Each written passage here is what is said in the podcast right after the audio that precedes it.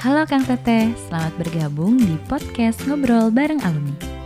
Podcast ini diselenggarakan oleh tim media Ikatan Alumni Biologi Unpad atau IKABIO. Pada podcast ini kita akan silaturahmi bareng alumni dan ngobrolin banyak hal. Misalnya cerita, nostalgia, dan kesan-pesan selama berkuliah di Biologi Unpad. Yuk langsung saja kita dengarkan episode kali ini. Bismillahirrahmanirrahim. Assalamualaikum warahmatullahi wabarakatuh. Halo Kang Teteh semuanya. Terima kasih yang sudah bergabung kembali nih di podcastnya IKA Bio Unpad. Ketemu lagi bersama saya Fauzia dari Biologi Angkatan 2009. Mudah-mudahan Kang Teteh di rumah yang mendengarkan semuanya sekarang dalam keadaan sehat walafiat ya. Nah, insya Allah hari ini kita podcastnya nih dalam rangka peringatan Hari Lahan Basah Internasional.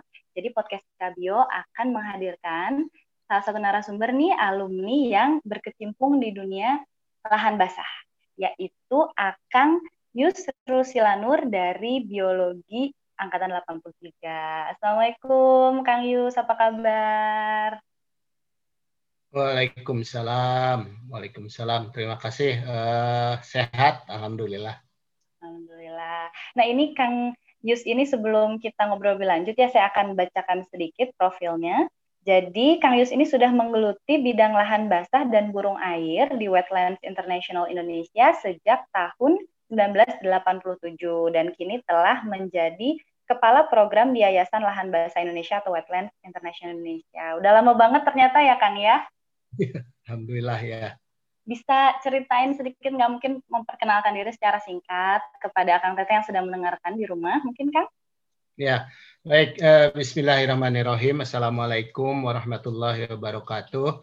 Uh, terima kasih atas kesempatannya, uh, meskipun jauh uh, berjarak lah, tidak tidak di satu tempat, tapi uh, silaturahim masih terus berlangsung.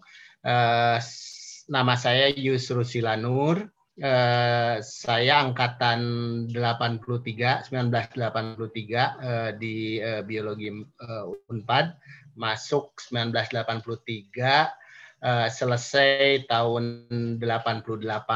Uh, jadi dulu skripsi saya tentang perdagangan burung air uh, dan sebetulnya uh, sudah masuk ke organisasi yang sekarang uh, saya di sekarang di namanya Yayasan Lahan Basah.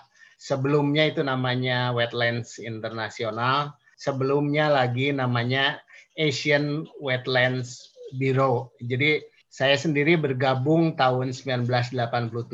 Waktu itu sedang membuat skripsi. Jadi skripsinya didukung oleh uh, apa organisasi uh, yang sekarang dan juga dari uh, WWF Indonesia Eh, dan setelah lulus di, di, diteruskan uh, bekerja di organisasi yang sama dan bidang yang sama gitu. Uh, meneruskan sebagai koordinator uh, fauna unit mengurusi burung air gitu. Jadi memang sudah istiqomah ya Kang dari dulu sudah apa namanya sudah dengan wetlands ya. Ya, Oke, ya, sebelum kita ngobrol Alhamdulillah sebelum kita ngobrolin tentang lahan basah dan tadi mungkin burung air juga ya Kang ya mungkin bisa diceritain nggak sih waktu Kang kuliah dulu tuh tahun 83 masuk sampai 8 uh, 87 ya tadi ya Kang ya itu ya. kira-kira gimana uh, sih 88 oh 88 ya. kira-kira gimana sih Kang perkuliahan 88. waktu itu Ya, dulu saya masuk itu ada namanya uh, proyek perintis. Proyek perintis itu ada empat. Proyek perintis satu itu untuk uh, universitas-universitas negeri uh, Unpad, UI, eh, ITB. Ada juga perintis dua. Itu perintis dua itu biasanya IPB. Kemudian perintis tiga itu di Unsud, UNS, dan ada perintis empat. Perintis empat itu IKIP.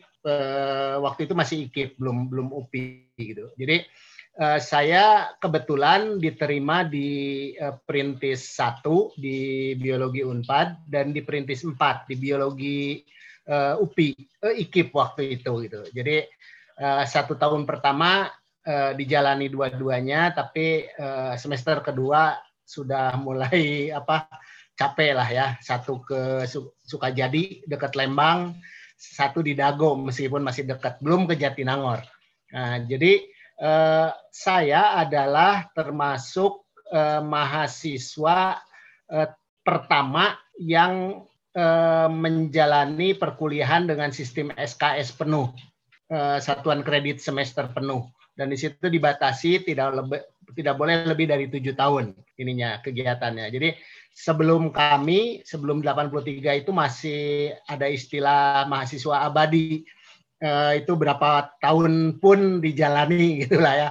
Eh, saya masih bareng dengan angkatan tahun 70-an eh, yang eh, apa yang sudah melewati tujuh tahun gitu. Jadi eh, tahun 85 eh, kami pindah ke Jatinangor.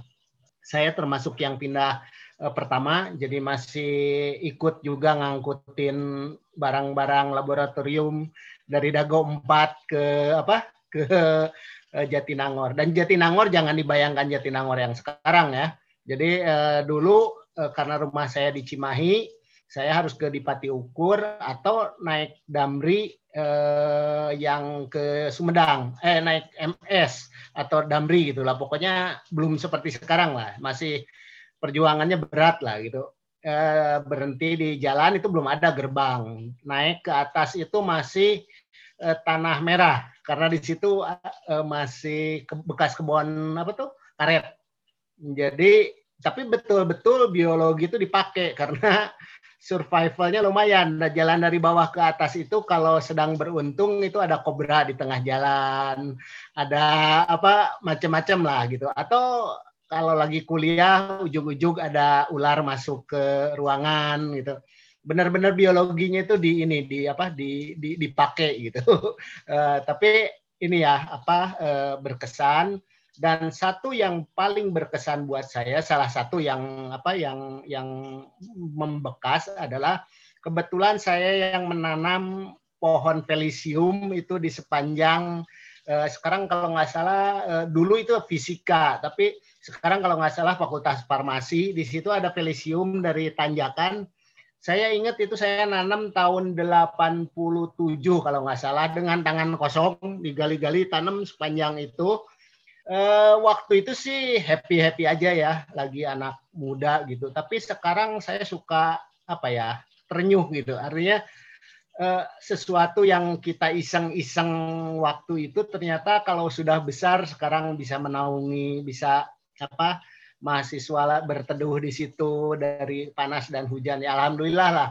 Eh, makanya jangan jangan menganggap enteng perbuatan yang ringan-ringan karena ternyata eh, 10 tahun kemudian 20 tahun kemudian 30 tahun kemudian itu terasa ininya manfaatnya. Dan dan bangga lah saya bisa ngomong setiap ke Jatinangor Eh, ke setiap orang mahasiswa yang nggak kenal pun saya berhentikan ini saya yang nanam loh gitu jadi ada inilah ada ada kenangan kenangan baik lah meskipun nilai saya nggak bagus-bagus amat gitu waktu kuliah bisa masuk pegawai negeri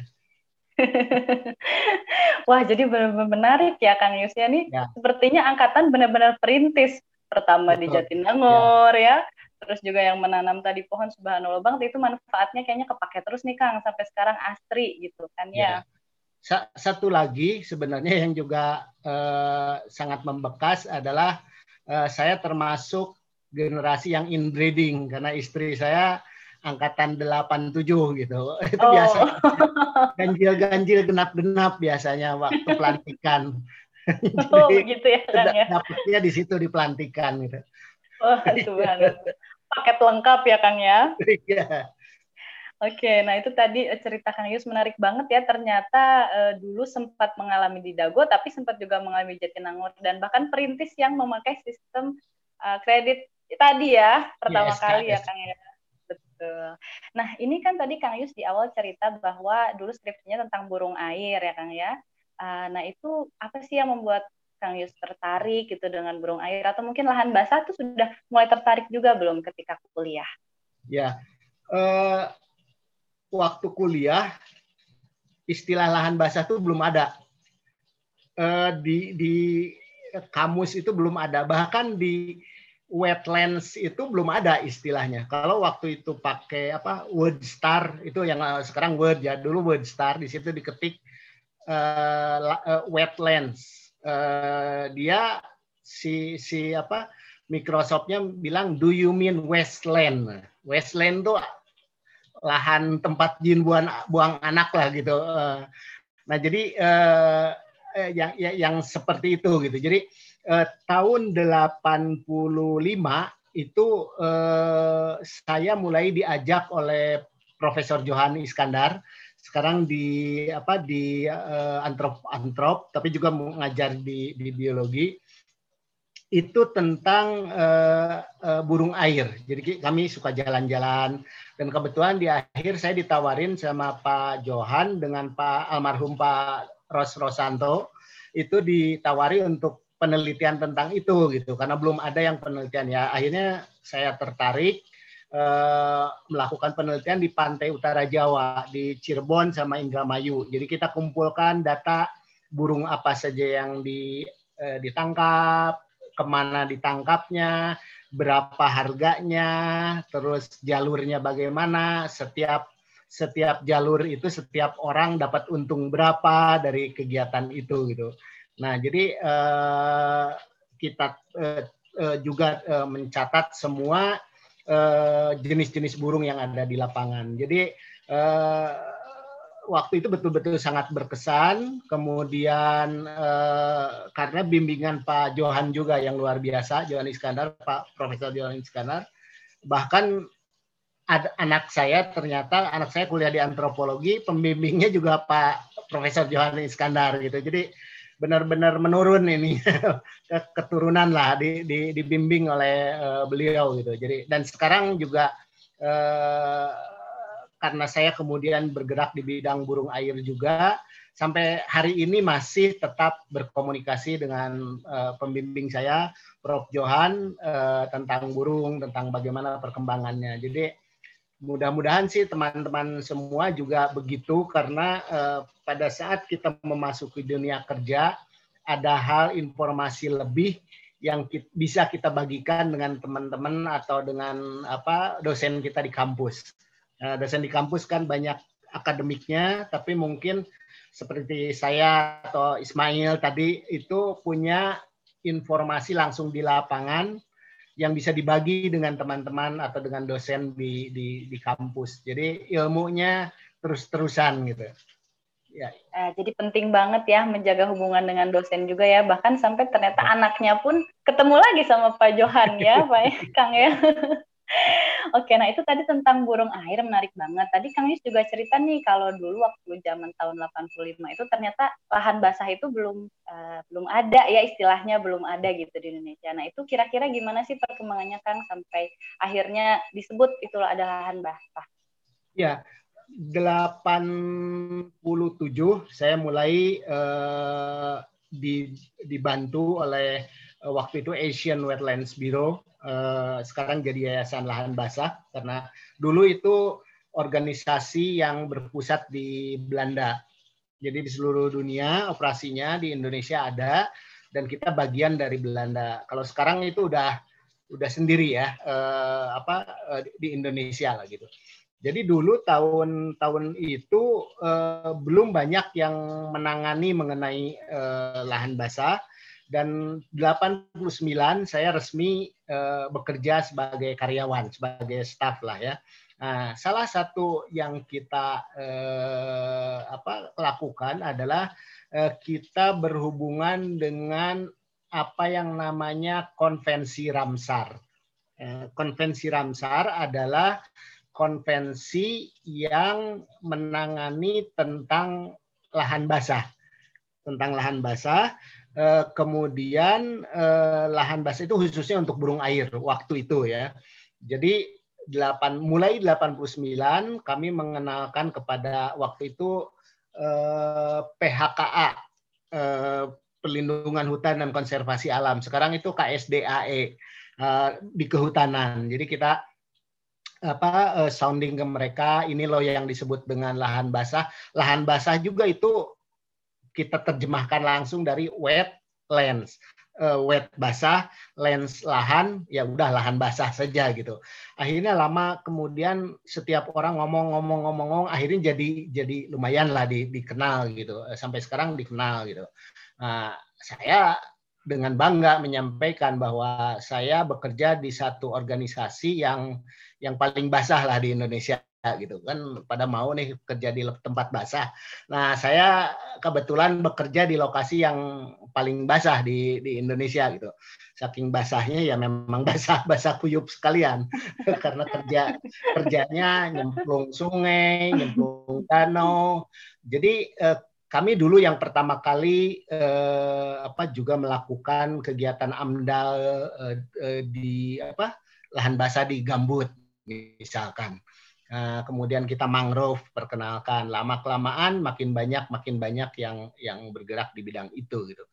Nah jadi eh, itu yang yang yang kami lakukan. Eh, apa kalau didasari dengan passion dengan keinginan dengan eh, niat yang yang tulus uh, itu insya Allah lah bisa bisa dijalani gitu. Karena uh, pertama cita-cita dari kecil terus kedua sesuai dengan pendidikan ketiga uh, saya 50 persen 50 persen. 50 persen di lapangan 50 persen di di kantor. Jadi banyak yang bilang apa pekerjaan ideal gitu. Meskipun juga yang tidak ada di kurikulum vitae yang banyak tidak banyak dibicarakan adalah uh, tiga kali masuk rumah sakit karena tipes, uh, kemudian uh, masuk ke rumah sakit karena demam berdarah, yang gitu-gitu. Tapi ya itu inilah uh, apa uh, bumbunya gitu. Betul. Jadi kuncinya itu tadi kata Kang Yus passion ya Kang ya. ya Dan betul. mungkin karena pekerjaannya di tempat basah kali ya Kang jadi ideal. nah, kalau untuk lahan basah ini ya Kang Yus kira-kira menjelaskan nih kepada masyarakat misalnya kepada hmm. orang awam seberapa pentingnya lahan basah tuh kira-kira bagaimana? Ya, yang yang pertama tantangannya adalah eh, pengertian kenapa kenapa disebut lahan basah dan apa yang disebut dengan lahan basah itu perlu perlu apa upaya ekstra. Karena orang tidak tidak tidak paham gitu. Ya yang ada di pikirannya mungkin eh, mangrove gambut gitu. Orang tidak tidak sadar bahwa lahan basah itu termasuk sawah termasuk kecomberan yang ada di apa di di rumah gitu. Karena batasan dari lahan basah itu adalah tan, eh, air yang mengalir, diam, tergenang, buatan atau asli atau laut sampai 6 meter pada saat surut terendah gitu ya.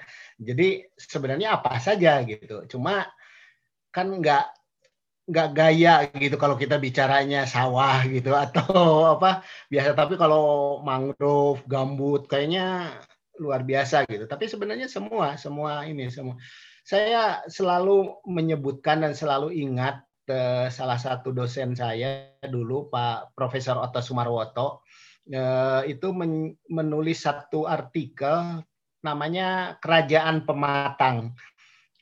Jadi beliau hanya menulis tentang bahasa Sunda itu galengan eh, ini apa pematang di sawah.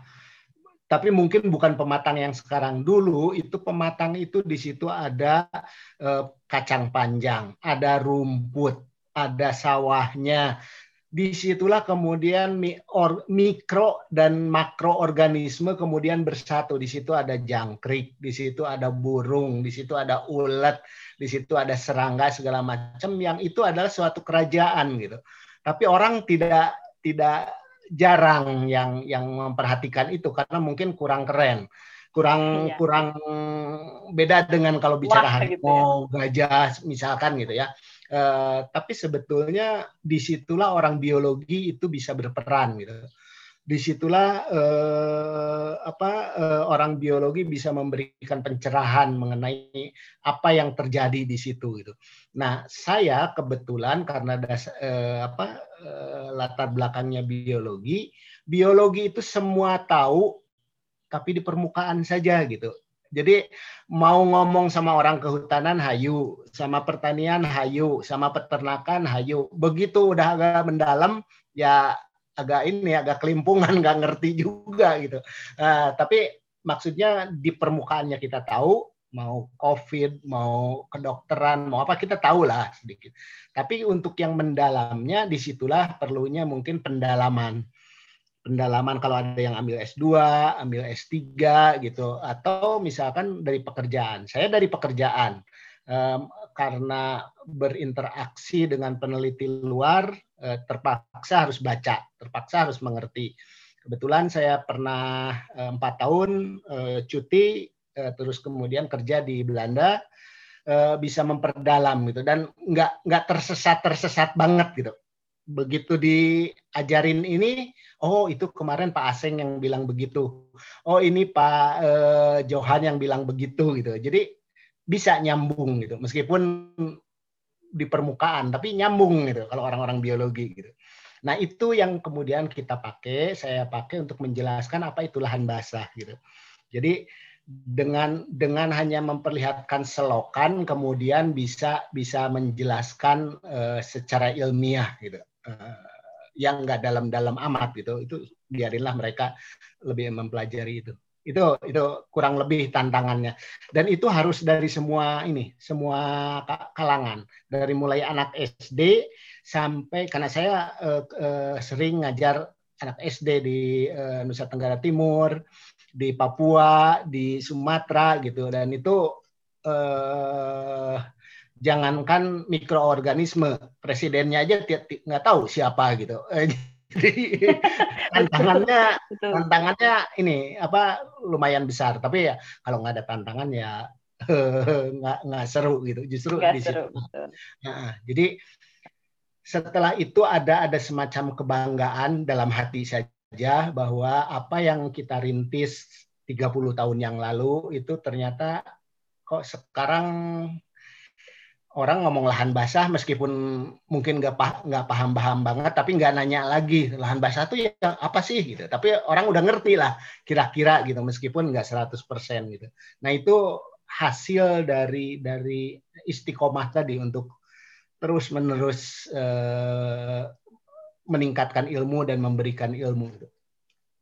Jadi bisa dimulai dengan hal yang sederhana yang terlihat gitu ya seperti tadi sawah. Kalau misalnya sebut mangrove misalnya agak mengawang-awang gitu ya Kang. Tapi kalau iya. sawah orang bisa langsung oh sawah gitu ya Kang ya.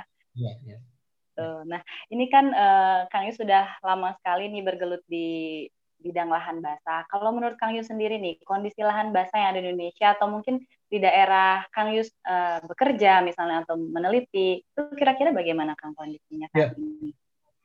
Uh, lahan basah itu hampir sama dengan dengan yang lainnya. Kalau kita bicara eh, bagaimana kondisi harimau, bagaimana kondisi gajah, bagaimana kondisi hutan kita, eh, harus saya sebutkan bahwa secara umum kan mengkhawatirkan gitu. Artinya pada saat manusia kemudian eh, ingin bukan butuh, jadi mereka sudah berkeinginan bukan berkebutuhan itu segala macam ditebang, segala macam di, di, dikonversi, itu memang lahan basah sudah ini sudah mengkhawatirkan gitu.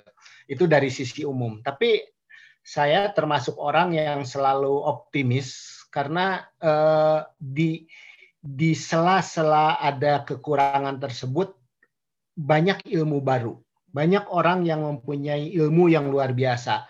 Eh, di di kehutanan misalkan mungkin sudah tidak terhitung lagi berapa yang S3 di bidang konservasi gitu.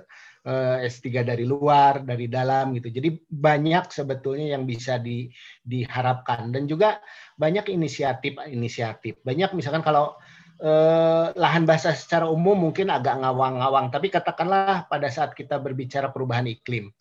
Karena ini juga bergantung perubahan iklim itu tergantung juga ke lahan basah eh, apa eh, gambut itu emisinya itu luar biasa.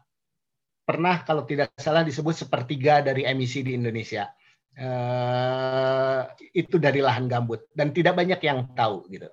Nah, jadi ada tapi sekarang sudah sudah umum gitu. Orang sudah sudah tahu di kalangan ilmuwan eh, ilmu tentang lahan basah. Jadi di satu sisi ada kekurangan, tapi di sisi lain ada ada gairah, ada ilmu, ada hal-hal tertentu yang yang uh, nggak nggak buruk-buruk amat gitu uh, ininya apa uh, kondisinya gitu. Tinggal bagaimana uh, kemudian ditata dengan baik dan ini uh, terkait dengan apa yang disebut sebagai kepemimpinan, leadership gitu. Bagaimana pemim kepemimpinan itu bisa bisa mengarahkan untuk uh, melestarikan lahan basah dengan baik gitu. Bahkan sekarang kan yang lagi rame-rame di di apa di restorasi. Gambut itu di restorasi targetnya 2 juta hektar lebih. Mangrove sekarang BRGM tuh Badan Restorasi Gambut dan Mangrove sekarang sudah disatukan 600 ribu hektar. Jangan dulu tanya apakah efektif atau tidak. Eh, itu bicara ilmiah ya, bicara bicara nanti. Tapi niat baik dulu lah untuk sementara kita apresiasi bahwa pemerintah mau memperbaiki yang 600 ribu hektar. Tinggal kita dukung bagaimana caranya. Beri masukan beri eh, apa jalan terbaik pengalaman-pengalaman terbaik gitu. Eh, karena kalau diambil negatifnya saja memang nggak selesai-selesai gitu eh, permasalahan Betul. Jadi meskipun kondisinya masih mengkhawatirkan, tapi kita tetap harus melihat dari sisi positifnya itu tadi ya kan ada gairah itu dan pastinya dengan adanya media sosial orang masih bisa membagikan lebih luas lagi nih bahwa ya. ada restorasi ya kan ya, terus pentingnya menjaga lahan basah. Nah ini seru banget nih Kang uh, perbincangannya. Saya yakin akan teteh di rumah nih banyak yang ingin berbincang langsung nih sama Kang Yus. Biasanya aktif di mana nih Kang? Media sosial atau di mana misalnya? Eh, eh, ya media sosial saya hanya di uh, Facebook dan Instagram saya ada. Uh, di situ ada nomor telepon saya. Silakan kalau misalkan mau uh, kontak langsung. Mungkin perlu waktu. Uh, asal sabar nunggu gitu. Insya Allah di, di, dibalas. Uh, Nama akunnya apa Kang? Uh, kalau Facebook uh, Yus Rusila Nur, Yus titik Rusila titik Nur, uh, lihat aja lah itu pasti di Instagram juga ada. Tapi nggak terlalu uh, ini, bukan bukan apa, bukan sosmed geek gitu, bukan nggak nggak nggak terlalu gitu ya. Tapi inilah rame-rame. Ada ini juga ada blog saya. Uh, oh ada blognya juga ya, kan? Ekodin E C O D I E N titik e, WordPress. Nah, uh, jadi uh, tujuan saya itu nulis bukan untuk dibaca. Maksudnya ada yang baca atau enggak terserah gitu. Yang betul, penting saya betul betul. Yang penting nulis. Oke, okay, itu tadi uh, Akang Teteh kalau misalnya mau menghubungi Kang Yus bisa lewat Facebook dan Instagram di Yus Rusilanur ya Kang ya. Terus yeah. Kang Yus juga nulis nih di ekodin.wordpress.com ya Kang ya. Ya, ya, ya. ya nanti hmm. bisa dicek. Nah, ini sebelum kita tutup nih Kang, kira-kira Kang Yus ada pesan-pesan mungkin untuk Akang Teteh alumni atau mungkin untuk adik-adik yang masih kuliah di biologi? Ya, uh, ini kan 2 Februari ini hari lahan basah. Hari Lahan Basah Sedunia 2 Februari setiap tanggal 2 Februari. Eh, tema untuk tahun ini adalah air eh, lahan basah dan air tidak terpisahkan dan vital untuk kehidupan. Artinya gini, Cimahi itu artinya apa? Ci itu air, air, air yang cukup ya. Betul. Mahi itu cukup. Cukup itu apa? Cukup itu berarti tidak kurang dan tidak lebih. Artinya pada saat musim kemarau ada air, pada saat musim hujan tidak kebanjiran. Itu Cimahi sekarang apa enggak? tidak, karena saya dulu tinggal di Cimahi gitu. Uh, jadi keseimbangan alam udah agak berubah. Baik di atasnya, baik uh, aspalnya yang sekarang sudah di mana-mana ditutup, air itu udah berjalan.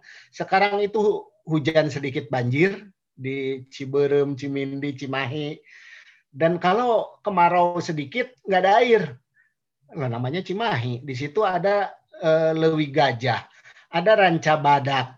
Itu air semua itu zaman dulu gitu. Nah, tapi e, ada situ aksan dulu gitu ya. Sekarang itu nggak ada yang begitu-begitu. Itu karena sudah ada perubahan kesetimbangan. Tapi air di dunia itu hanya tiga persen air tawar. Dari yang tiga persen itu hanya satu persen yang bisa digunakan. Dari yang satu persen itu hanya 0,3 persen yang ada di permukaan. Gitu. Jadi air yang sekarang banyak digunakan itu sangat amat terbatas. Gitu.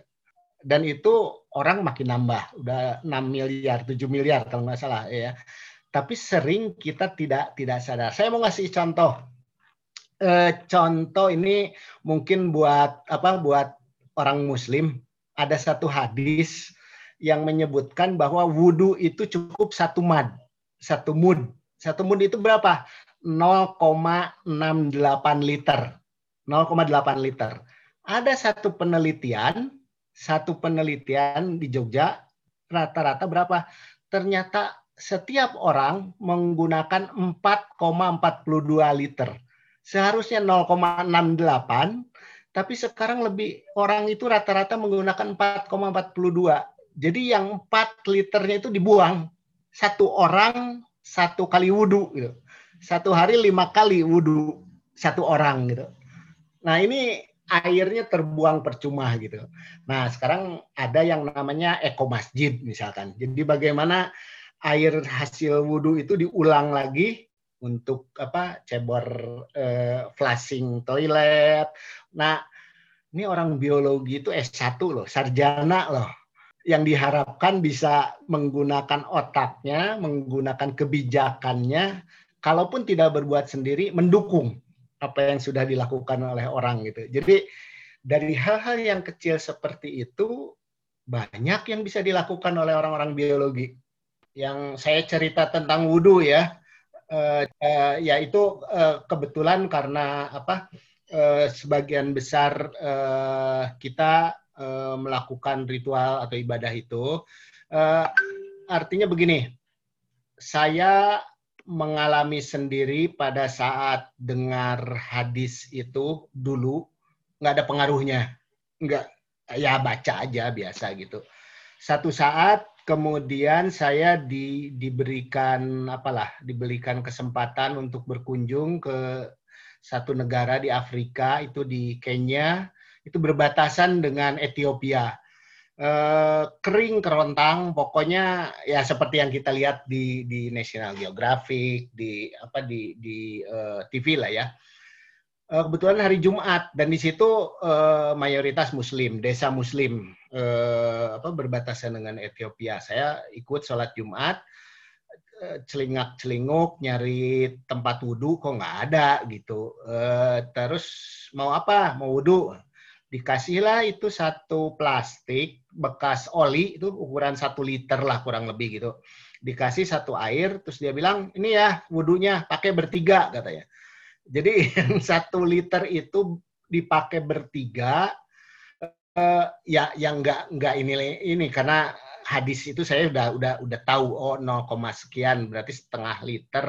Uh, jadi ada ada ada ada ada yang nonjok di di apa di di dada saya di hati saya itu bahwa saya orang lahan basah orang yang harus melestarikan air sudah baca hadis itu berkali-kali tapi tidak pernah se, se apalah se, se sakit ditampar waktu itu gitu ya dengan dengan kumpulan orang yang ratusan orang mau sholat Jumat dibeli satu tempat itu dipakai untuk bertiga. Dan dan di situlah terus terang kemudian saya menangis se, se, sejadi-jadinya gitu membayangkan bagaimana uh, ini bu bukan bukan sedang mentoring kuliah agama ya, tapi uh, apa uh, maksud saya bagaimana waktu hadis itu hadir datang kepada Nabi dan para sahabat di gurun pasir waktu itu yang mungkin sangat sangat pas dengan hadis itu, tapi tidak masuk ke ke kita yang yang jangankan 4 liter, mau 20 liter eh, jebar-jebur aja nggak ada masalah gitu. Tapi kemudian karena ditampar dengan itu saya kemudian sangat apa sangat eh, kena sekali eh, mungkin jarang-jarang bisa wudhu dan sholat sambil nangis gitu tapi juga ada ada semacam keinginan akan saya bawakan terus hadis ini. Akan saya bawakan pengalaman ini, saya tulis di blog saya, di Facebook, di mana-mana, diperlihatkan gambarnya bagaimana uh, itu. Jadi memang ada pelajaran lain adalah bahwa pada saat kita memberitahu orang sesuatu itu harus sesuai dengan konteks gitu. Sesuai dengan dengan apa yang berjalan di satu di situ gitu. Uh, seperti misalkan pada saat uh, kita menyebutkan surga itu adalah uh, yang dengan sungai yang mengalir di bawahnya gitu ya. Teman saya yang ya mohon maaf ini jangan jangan dibahas uh, hadisnya gitu. Uh, tapi teman saya yang ada di pedalaman Kalimantan air mengalir di sana sini dia bertanya lalu kenapa saya harus masuk surga? kan di sini air banyak gitu. Uh, tapi mungkin kan sebetulnya kita harus memberikan pengertian juga bahwa dalam konteks di lingkungan Nabi dan para sahabat, di lingkungan orang-orang Kenya, di lingkungan orang Ethiopia, atau di pedalaman gurun pasir Australia, menghemat air itu sesuatu yang luar biasa. Nah, nah kita juga diharapkan untuk bisa itu karena kita sudah mengalami sendiri sekarang. Kemarau itu ke, kekurangan air, eh, ada yang tetangga minta ke saya air pam untuk eh, apa karena habis. Tapi waktu hujan itu luar biasa, hujan sedikit banjir bandang di sana. Ini ini hal-hal seperti ini yang mudah-mudahan kan di situnya disebutnya orang-orang yang berpikir. Nah orang biologi itu orang yang berpikir gitu orang biologi itu yang diberikan amanah, diberikan tanggung jawab, diberikan uh, kelebihan bisa tamat S1 di bidang biologi gitu. Itu tanggung jawab loh, bukan main-main itu gitu. Meskipun ah saya makan mikrobiologi Kang ininya apa uh, skripsinya bukan air gitu. Ya tapi sama-sama lah gitu maksudnya. Saya juga kalau dijelasin mikrobiologi nggak nggak tahu juga. Tapi kebetulan istri saya uh, mikrobiologi di PCR uh, jadi uh, ngerti lah sedikit sedikit. Ngerti ya. jadi sebetulnya um, kita bisa mulai dari hal yang paling sederhana ya Kang ya itu tadi menghemat air karena kita ini sepertinya dimanjakan ya Kang ya di Indonesia ya, ini karena ya. keadaannya jadi kita menganggap sebelah mata padahal itu adalah hal yang sangat krusial. Ya. Gitu ya Kang ya. Oke, terima kasih banyak loh Kang Yus atas sharingnya. Mudah-mudahan ya. akan teteh yang mendengarkan ini terinspirasi dan juga ingin mengambil aksi meskipun sesederhana mungkin ya Kang ya, yeah. meskipun hanya mendukung misalnya mendukung yeah. uh, kebijakan pemerintah. Terima yeah. kasih sekali Kang Yus, mudah-mudahan sehat yeah. selalu, istri juga sehat yeah. selalu, mudah-mudahan nanti kita bisa sharing yeah. lagi ya Kang, ditunggu yeah. tulisan-tulisannya, mungkin nanti yeah. bisa dipublish juga di webnya Ika Bio yeah. Kang. Iya, baik, baik, baik. Ya, salam untuk semua, uh, salam untuk uh, teman-teman alumni biologi. Mari kita berapa? Uh, memberikan kontribusi sesuai dengan uh, bidang kita masing-masing, sesuai dengan pekerjaan, sesuai dengan kesanggupan kita masing-masing. Karena nanti kita ditanya sebagai sarjana biologi gitu. Mudah-mudahan ya. bisa mempertanggungjawabkan. Amin. Oke, terima kasih Kang Yus. Terima kasih Baik. Kang Tete yang sudah mendengarkan. Ya. Jangan lupa ya untuk mendengarkan juga episode podcast lainnya. Mudah-mudahan dapat inspirasi dan terhibur juga dari episode kali ini. Mohon maaf apabila ada kesalahan. Terima kasih semuanya. Wassalamualaikum warahmatullahi wabarakatuh. Terima kasih ya Kang Teteh yang sudah mendengarkan. Jika Kang Teteh berminat menjadi narasumber, atau memiliki rekomendasi teman alumni untuk dijadikan narasumber pada podcast ini, silakan hubungi tim media IKA Bio Unpad lewat Instagram. Semoga episode kali ini bisa menghibur dan menginspirasi ya Kang Teteh. Sampai berjumpa di episode selanjutnya. Salam IKA Bio.